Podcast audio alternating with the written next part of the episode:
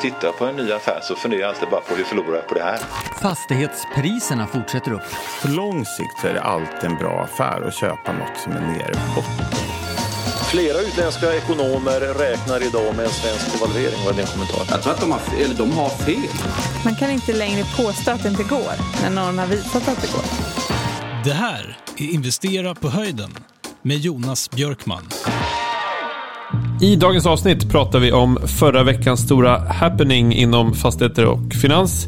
Erik Selin köper Oscar Properties utdömda fastigheter och eh, räddar hans eh, Norion Bank från kreditförluster.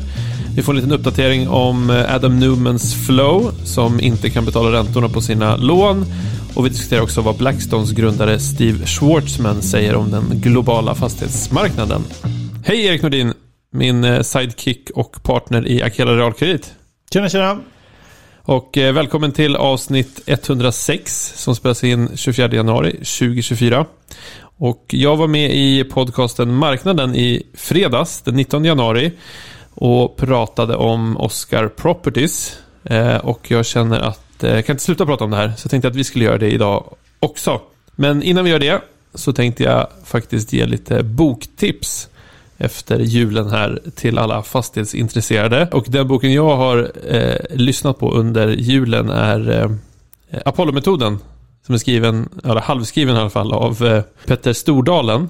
Eh, det är lite svårt nu när han har, ska döpa om Friends Arena till Strawberry Arena att faktiskt göra en rek på hans bok. Men jag tycker ändå att den var rätt intressant för den ger en inblick i hur det var att driva fastighets eller hotellverksamhet och precis har köpt Ving när, alltså några veckor innan den stora pandemin som kom 2020. Varför var... Apollo-metoden? Nej, men han kopplade till, till eh, Apollo Uppskjutningen, alltså rymduppskjutningen, som när man löste ganska mycket problem i rymden. Så det handlar om att... en eh, direkt konkurrent till Ving, eller var det tidigare? jo, det är det också i, i och för sig.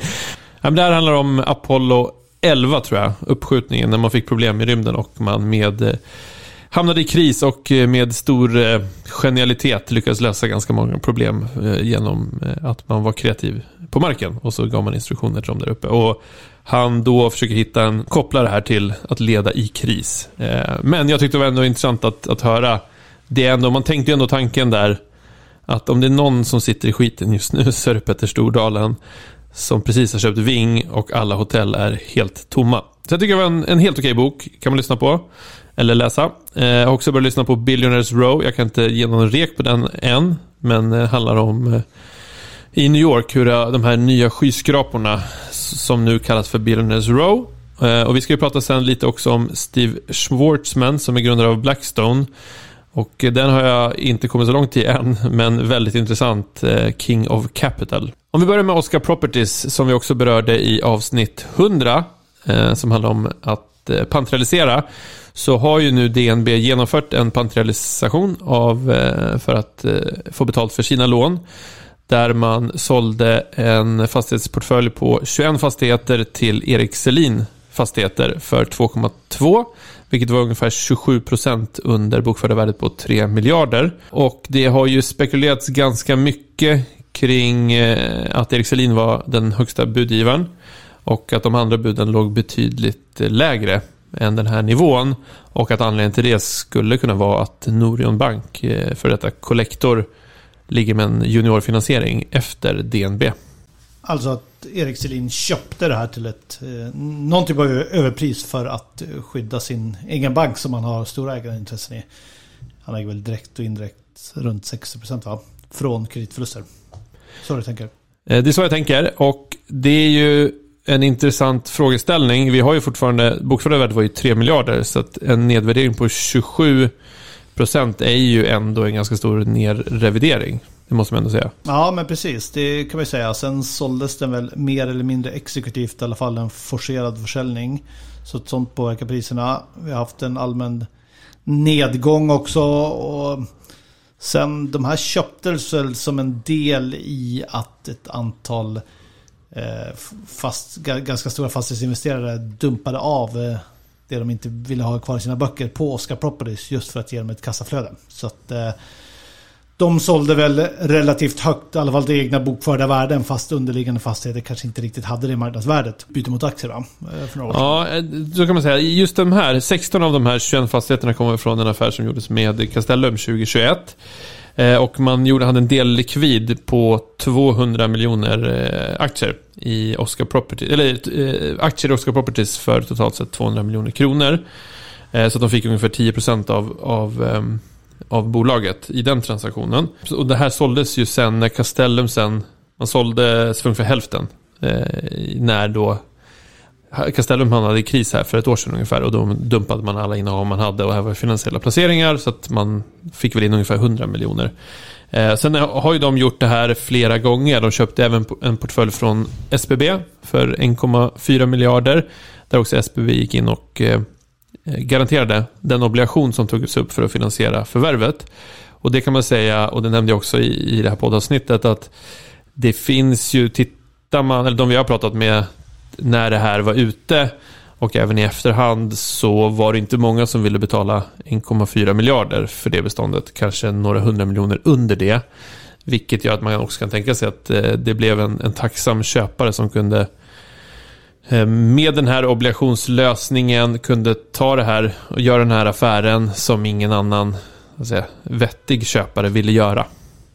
Nej, och de här typen av försäljningar, ofta blir det ju en jakt på att hitta en köpare som kan ta över det här till bokförda värden eh, hos säljaren. Eh, ingen vill ju göra en nedskrivning på sina värden i böckerna och realisera en förlust.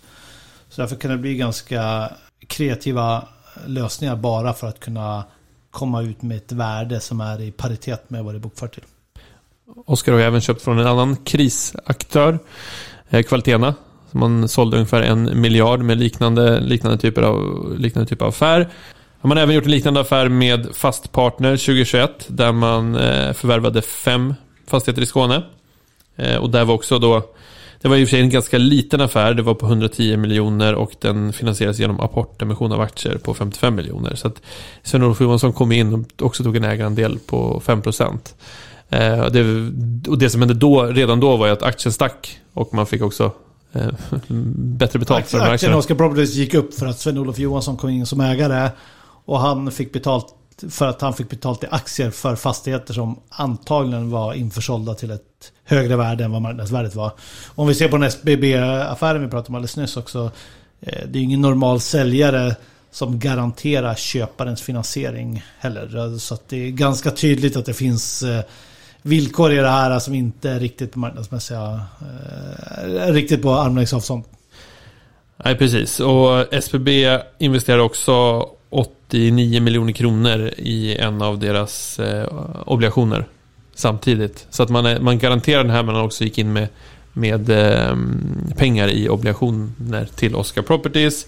Och sen så tog man väl även ett eh, ägande på, man tog gjorde en emission av stamaktier på 325 miljoner kronor. Så att det här har ju varit ett sätt att bygga upp en portfölj snabbt. Men det är ju också, det har ju gått ganska trögt med försäljningen. Flera av de här portföljerna, Valerum-portföljen har ju cirkulerat runt i försäljning, även annat legat ute till försäljning länge. Nu när sen Oscar Properties börjar få ganska stora problem. Eh, och det är ju ett ganska spritt bestånd. Det är ju inte de bästa fastigheterna som har inkluderats i de här transaktionerna heller. Utan det är ju lite att, att man har använt Oscar Properties för att dumpa fastigheter. Det är väl den, den allmänna bilden. Ja, dumpat, kunna dumpa till bokfört värde, få betalt eh, i form av eh, stora delar av aktier, kanske en del kontanter. Men det viktiga är som sagt att kunna sälja, att säljaren kan sälja till bokfört värde, inte behöver visa någon förlust. Och är man dessutom en säljare som Sven-Olof Johansson så kommer den aktie man fått betalt i bli mer värd för att just Sven-Olof kommer in i Oscar Properties. För alla, alla småsparare i alla fall ser det där som ett styrketecken. Det är klart, det blir en dubbel effekt. Och det här går ju i en, eh, en bra marknad. När det, går, det, det funkar ju så länge det går bra. Eh, men det har ju slagit tillbaka ganska hårt mot Oscar Properties. Och redan i somras så var, började det väl vara konkursmässigt. Eh, många av de här fastighetsägande bolagen hade ju skulder till skatte, på sina skattekonton. Redan idag, här förra veckan låg de ju på skulder till Kronofogden på ungefär 13 miljoner kronor. Vilket inte är en gigantisk summa, men har man tufft med likviditeten så blir det också ett problem.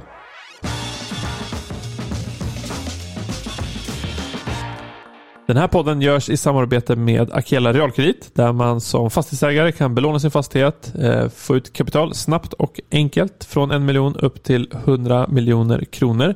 Gå in och ansök på www.akela.se realkredit. Är du investerare och är intresserad av att få tillgång och exponering mot det här, den här typen av eh, lån Gå in på akela.se och läs mer om hur du som professionell investerare kan vara med och investera tillsammans med oss. Kom ihåg att historisk avkastning inte är en garanti för framtida avkastning. De pengar som placeras i fonden kan både öka och minska i värde och det är inte säkert att du får tillbaka hela det insatta kapitalet. Och den portföljen som DNB nu sålde, vad var det för typ av fastigheter, vilka lägen och vilken typ av fastigheter? Var, fanns det några bostäder eller var det bara, bara lätt industri i lite perifera lägen? Det är lite blandat kommersiella fastigheter. Eh, en del hade förvärvats i Västberga, ganska bra lägen i Stockholm. Sollentuna. En del som kom från Pfab. En annan del då från Castellum. Det var ett, ja, kommersiella fastigheter i Kungens Kurva, i Västerås, Norrköping, Helsingborg. Eh, man hade ett jättestort fryslager i eh, Helsingborg som man köpte från Kvalitena, bland annat. Eh, och sen så lite blandat i kontorsfastighet i Malmö. Så man har plockat ihop en, en, det är en liten varierad portfölj. Låter som att det är bra riskspridning över hela landet här. Exakt. Okej, och köpare var alltså Erik Selin, men inte i Balder va? Utan han köpte det där i ett privat fastighetsbolag. Var, eller varför gjorde han det tror du? Ja, det, det är det man... Antingen tyckte han att det var fantastiskt bra fastigheter. Alltså man har gjort en, man har gjort en nedvärdering också under, under Q3 på många av, en stor del av fastighetsbeståndet. Jag tror det var en nedvärdering på totalen på 840 miljoner. Så sett till den nedvärderingen nu på 27 miljoner under bokfört värde så ligger vi väl ner 35-40% ungefär. Så att eh, det är ju en ganska väsentlig nedvärdering även på det priset. Så att man kan antingen resonera att, att eh, låg nu Norion Bank, som, man, som Erik Selin äger till 60%, som ville rädda sig undan från en potentiell kreditförlust, så eh, man kan ju tycka att det var ett bra köp samtidigt som det gav en positiv konsekvens för hans stora innehav Norion. Men det var också så att Norion ställde väl upp med finansieringen även för förvärvet för Erik Selin. Så det blev en, eh, en, eh, en dubbel effekt för Norion. Så jag antar att de också har utökat ja, lånet. det är ju spekulerat i att budgivare nummer två låg väsentligt under. Alltså på nivåer där Norion då skulle kanske tappat hela sin... Eh, hela sin tappat hela sitt lån där. Och det, det är klart, har man en låneportfölj på 47 miljarder i fastighetsbenet och så tappa var det 500 miljoner. Det är en ganska, ganska rejäl förlust att ta på ett bräde. Så att det, det låg väl Erik Selin, ska väl utgå från hans intresse i alla fall, att, eh, att rädda det på något sätt. Sen eh, hade det varit en extremt bra affär så antar jag att han inte hade vågat lägga det utanför Balder. Det måste vara känsligt att vara storägare i Balder och sen eh, ta guldkornen liksom i egen bok i ett annat bolag. Så att man kanske kan utgå från att det var lite högt prissatt och lite för dåligt för att Balder skulle ta det. Och därför tog han det själv istället. Sen är ju Balder storägare i Norion också. Han äger en liten del privat. Så det kanske också har att göra med att man in, det blir lite för kladdigt. Eh, just för att eh, Balder är en, en, eh, en större ägare. De äger väl närmare 40-50% av totalen. Jo, men nu äger han ju själv det här fastighetsbolaget som tog över äger han ju på kroppen och sen så äger han... Ja, det kanske inte gör någon större skillnad. Nej men eh, på tal om Norion så det är ju andra nischbanker som har haft lite, lite stökigt här senaste veckan också. Eh, Resurs, Resursbank va? Har väl eh, och gick ner. Tror det, de hade ett kurstapp på 35% eh, på nyheten att de hade osedvanligt stora kreditförluster. Och som drog med sig Norion också samma dag tror jag. Nej men eh, de eh, gick väl från jag tror att de hade en, eh, en vinst för, förra, för, förra, motsvarande kvartal förra året på 260 miljoner och nu var de back 335. De har gjort ganska stora nedskrivningar och påstår att allt det här har skett i december. Det verkar lite märkligt att det sker just i december. Så slutar alla betala på sina lån. Och det, det, här, ska vi, det här är alltså inga fastighetslån utan det här är eh, privatlån. Man kan ju kanske tänka sig att de har en ny vd som har tillträtt relativt nyligt också. Att det kan vara ett sätt för klassiskt trick för en ny vd att rensa böckerna just när man tillträder för att liksom ha... Men om man gick ut och sa att de här kredithändelserna hände i december, det låter ju också lite märkligt. Alltså det, även om man är ny vd så kan man väl inte ljuga ihop en sån grej. Utan det Nej, måste men ju det vara... kanske har något med liksom börsens regler och eh, flaggningar att göra och så vidare. Man inte vill påstå att det här har hänt under hela hösten och så kommer man ut med det nu. Utan man är ganska snabb ut med informationen. Men eh, ja, det verkar lite osannolikt att allting händer just i december. Eller är det någon typ av julklappseffekt som gör att folk slutar betala på sina lån? Kanske. Vi har inte så många noterade nischbanker, men, men eh, Norion och även andra kreditmarknadsbolag och nischbanker har ju varit verksamma på fast, inom fastighetssektorn också. Frågan är om det här är ett tecken på att fastighets, även fastighetsportföljerna eh, riskerar att slå rätt hårt på, om man börjar se det på konsumentsidan, konsumentkrediterna, hur länge klarar fastighetsbolagen att hålla ut och kommer vi få se liknande kreditförluster i Norion till exempel, och den här typen av banker? Ja, om man ser på Norions eh, bok så, som sagt, de har, den ligger på 47 miljarder och tror att drygt 40 procent av det, alltså ungefär 19 miljarder, det är juniorbelåning. Där ligger en snittbelåning på uppgivet 73 procent loan to value, alltså Eh, snittbelåningen är 73% mot marknadsvärdet. Men många av den här typen av lån, eh, min uppfattning, gjordes kanske under 2021-2022. Eh, och då utgår det egentligen från de värdena, nu räknar de här 73 procenten. Frågan i dagens marknadsklimat, vad är den riktiga snittbelåningen egentligen? Om vi utgår från att, att fastigheten kanske tappat 20-30 procent i värde, eventuellt om du skulle ut och sälja det nu. Ja, då ligger de upp mot 90 100% i, i belåning i dagsläget. Så att, eh, jag tror det där är någonting att eh, hålla ögonen på också. För att eh, och det är inte bara så att belåningsgraden är hög jämfört med vad underliggande fastigheter är värda. Utan de som har tagit, de bolag som har tagit upp den här junioren har ju också en senior som har gått kanske från 2-2,5% i ränta till kanske 6% i ränta. Samtidigt som den här junioren kanske gått från 7% till 12% i ränta. Och så ligger det kanske en obligation ovanpå det också. Icke säkerställd. Så att det måste vara ett tungt kassaflöde i många av de här eh, bolagen för tillfället. Dessutom är snittlöptiden på den här eh, juniora-portföljen tror jag 13 månader. Och det är klart, vem ska det finansiera det här om 13 månader?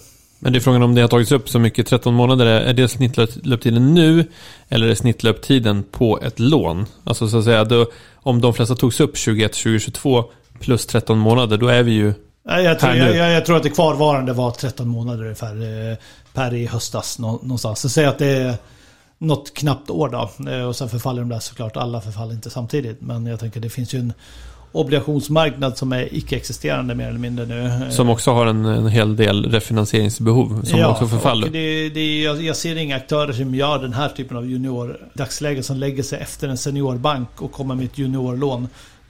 Den finns inte längre i min uppfattning i alla fall. Så att, Frågan är vem- som refinansierar den här typen av lån. Jag tror att det vi kommer väl se är väl att det blir inte dramatiskt överhuvudtaget utan lånen bara förlängs. Ja, man rullar väl vidare. Det är väl... Man, man, man rullar vidare och varken till lite, det är ännu, ännu sämre villkor för låntagaren. Så varken låntagaren eller banken är särskilt nöjd över det. Men eh, det är väl så ofta som man löser den här typen av situationer. Men det kan ju leda till eh, lite tuffare på att kapitaltäcka de här grejerna.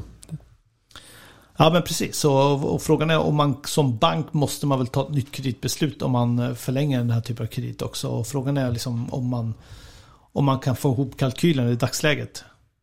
Nej, och då är det klart att eh, där kan man också förstå att Erik Selin inte vill ha någon större nedrevidering på några dramatiska summor utan kanske man eh, generellt är väl branschen överens om att vi ligger ner 10, 15, 20 procent och här ligger vi på 27 procent under. Så att, eh, vilket var väl enligt förväntan om man sett till det. Jag kan väl också, och, och det kan väl, det gick, på en sån här liten marknad så kan det ju ge avtryck ändå.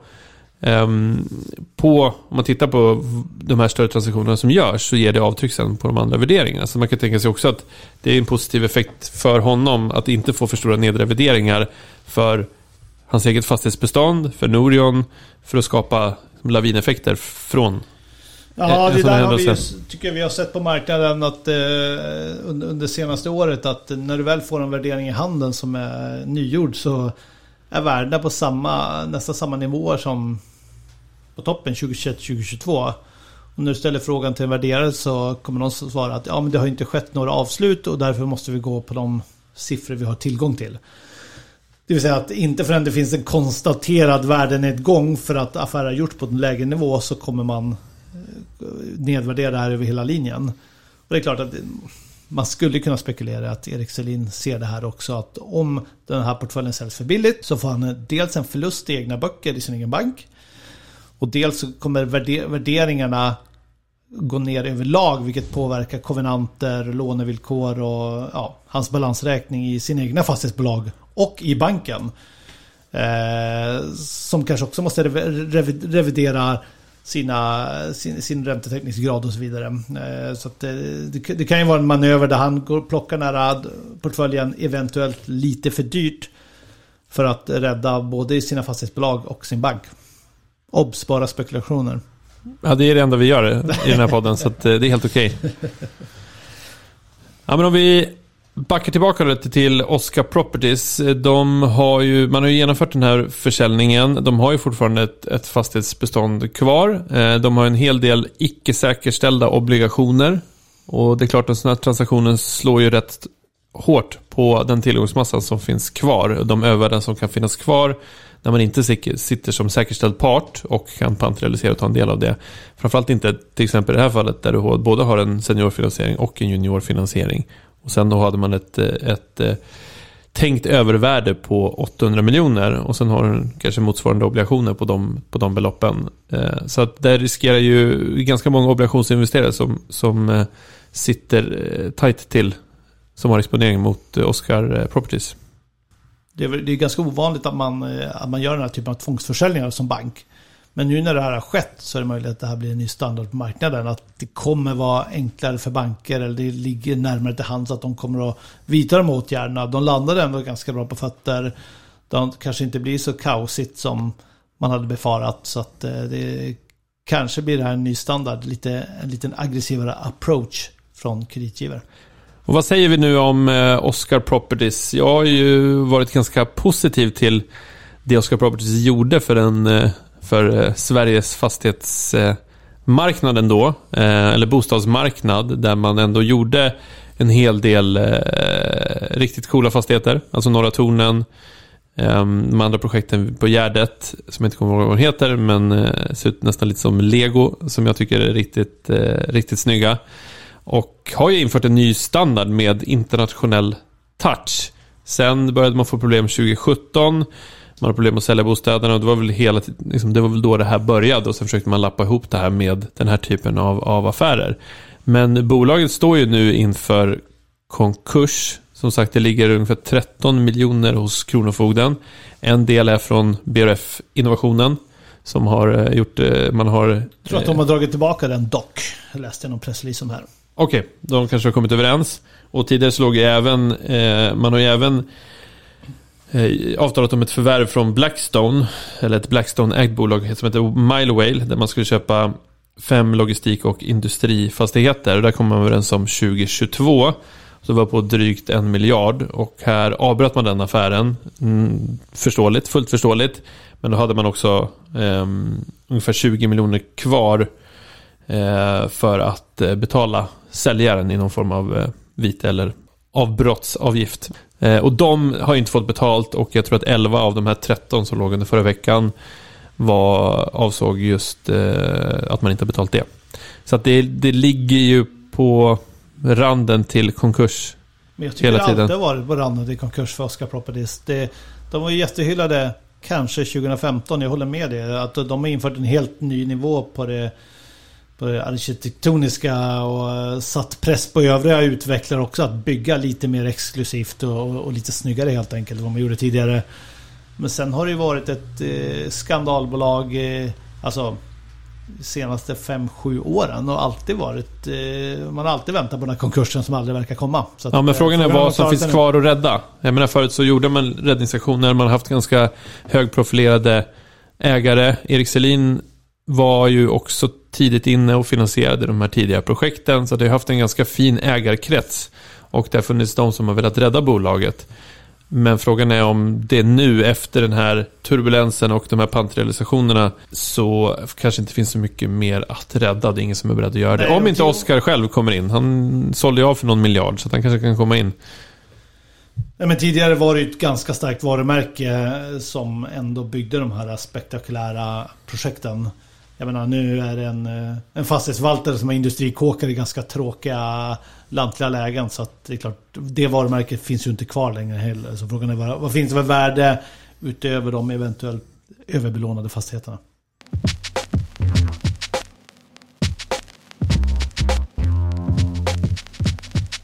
Om vi blickar mot eh, USA och och eh, min egen eh, lilla besatthet kring Adam Newman, grundaren av WeWork, som också gjorde en uppdatering eh, om hans bolag, fastighetsbolag Flow i avsnitt 104 för två veckor sedan. Så verkar det som att han redan ganska tidigt i sin karriär av, som fastighetsägare har börjat defaulta på sina lån. Kan inte riktigt betala räntorna.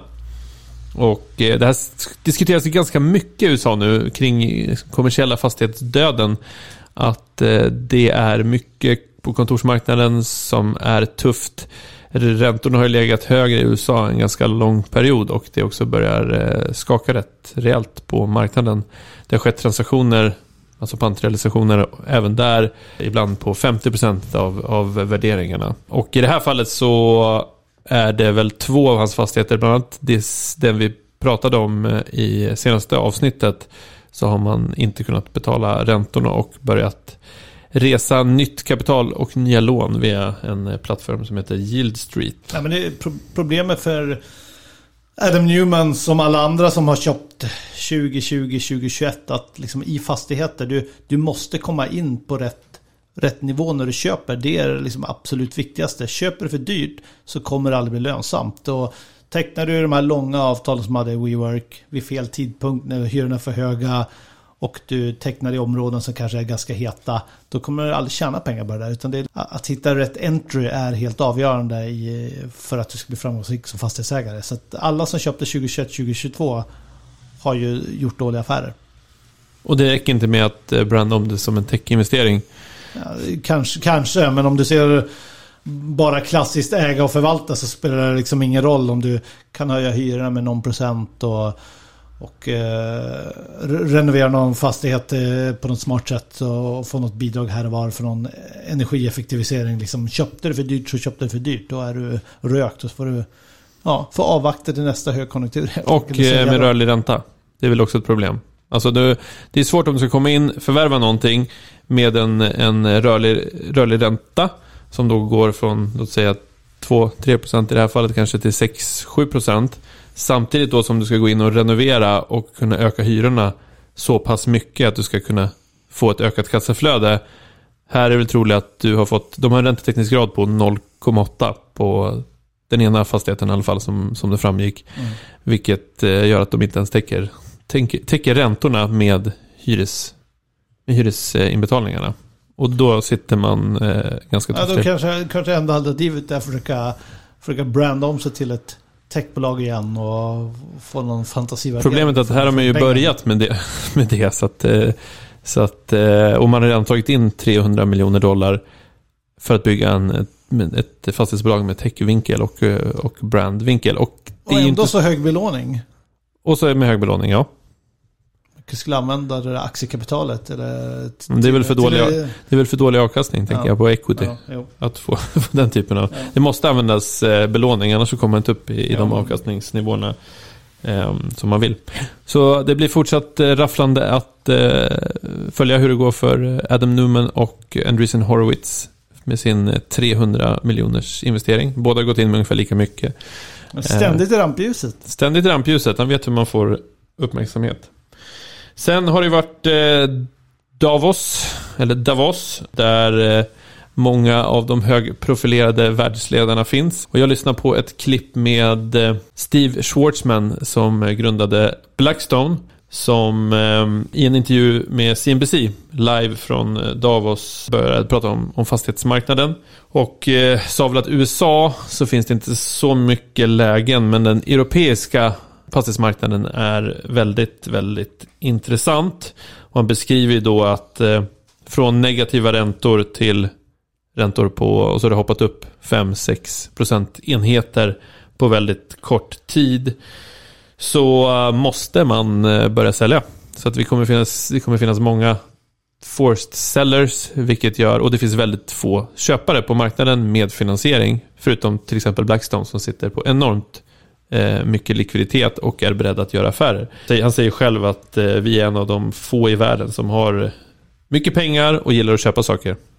Bra sits.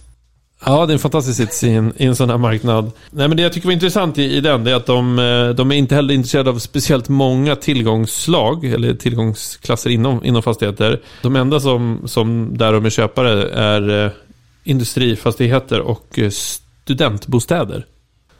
Industrifastigheter kan man ju kanske förstå för, att man tänker att det är indexreglering av underliggande hyror och så vidare. Studentbostäder, vad är anledningen till det? Att det är ständigt, eh, ständig efterfrågan eller?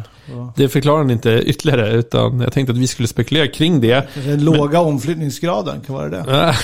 Precis. Nej, men de har gjort en hel del transaktioner eh, även i USA. Att man har köpt eh, student, studentbostäder. Så det är väl det finns väl någonting där som de har identifierat. Och jag har ingen riktig förklaring till varför. Och jag vet inte heller om det är samma mm, dynamik på den amerikanska marknaden som den europeiska marknaden.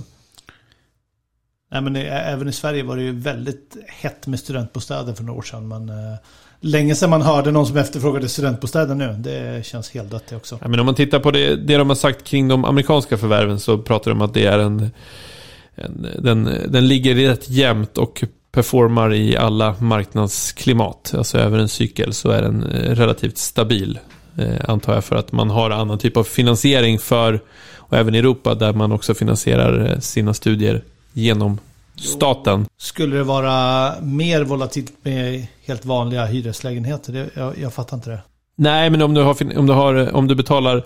Alltså 20-åringar i små ettor som flyttar ut varje sommar för att spara på hyran under sommaren och sen vill flytta in igen i september. Det låter inte som en, Nej, du har väl en, en dröm för, för en förvaltare. Nej, så är det ju. Men å andra sidan så eh, påverkas du kanske inte av den allmänna konjunkturen eftersom du finansierar din hyra från andra typer av Alltså antingen att du har sparat ihop pengar eller att det finansieras genom staten. Att du har ett eh, CSN-lån motsvarande jo, i andra jo, länder. För de som bor i helt vanliga hyresrätter, om de blir arbetslösa får de väl a-kassa eller eh, socialbidrag och kan finansiera sina hyror därigenom också. Så att, eh, ja, vi kan få gräva vidare där. Ja, det framgår inte riktigt. Men jag tycker ändå det var intressant att eh, han såg stora köplägen i Europa.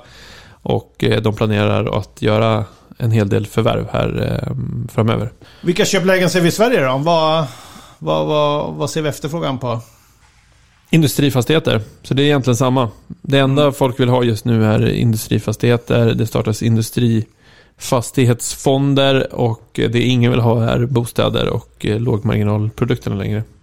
Exakt, exakt motsats till vad alla sa under högkonjunkturen. Att eh, då sa man att i lågkonjunktur kommer alla vilja ha bostäder för det är inte konjunkturkänsligt. Alla behöver någonstans att bo. Och sen fick vi en ränteökning och helt, helt plötsligt kan man inte justera hyrorna i samma takt som inflationen och räntorna och då vill ingen ha bostäder.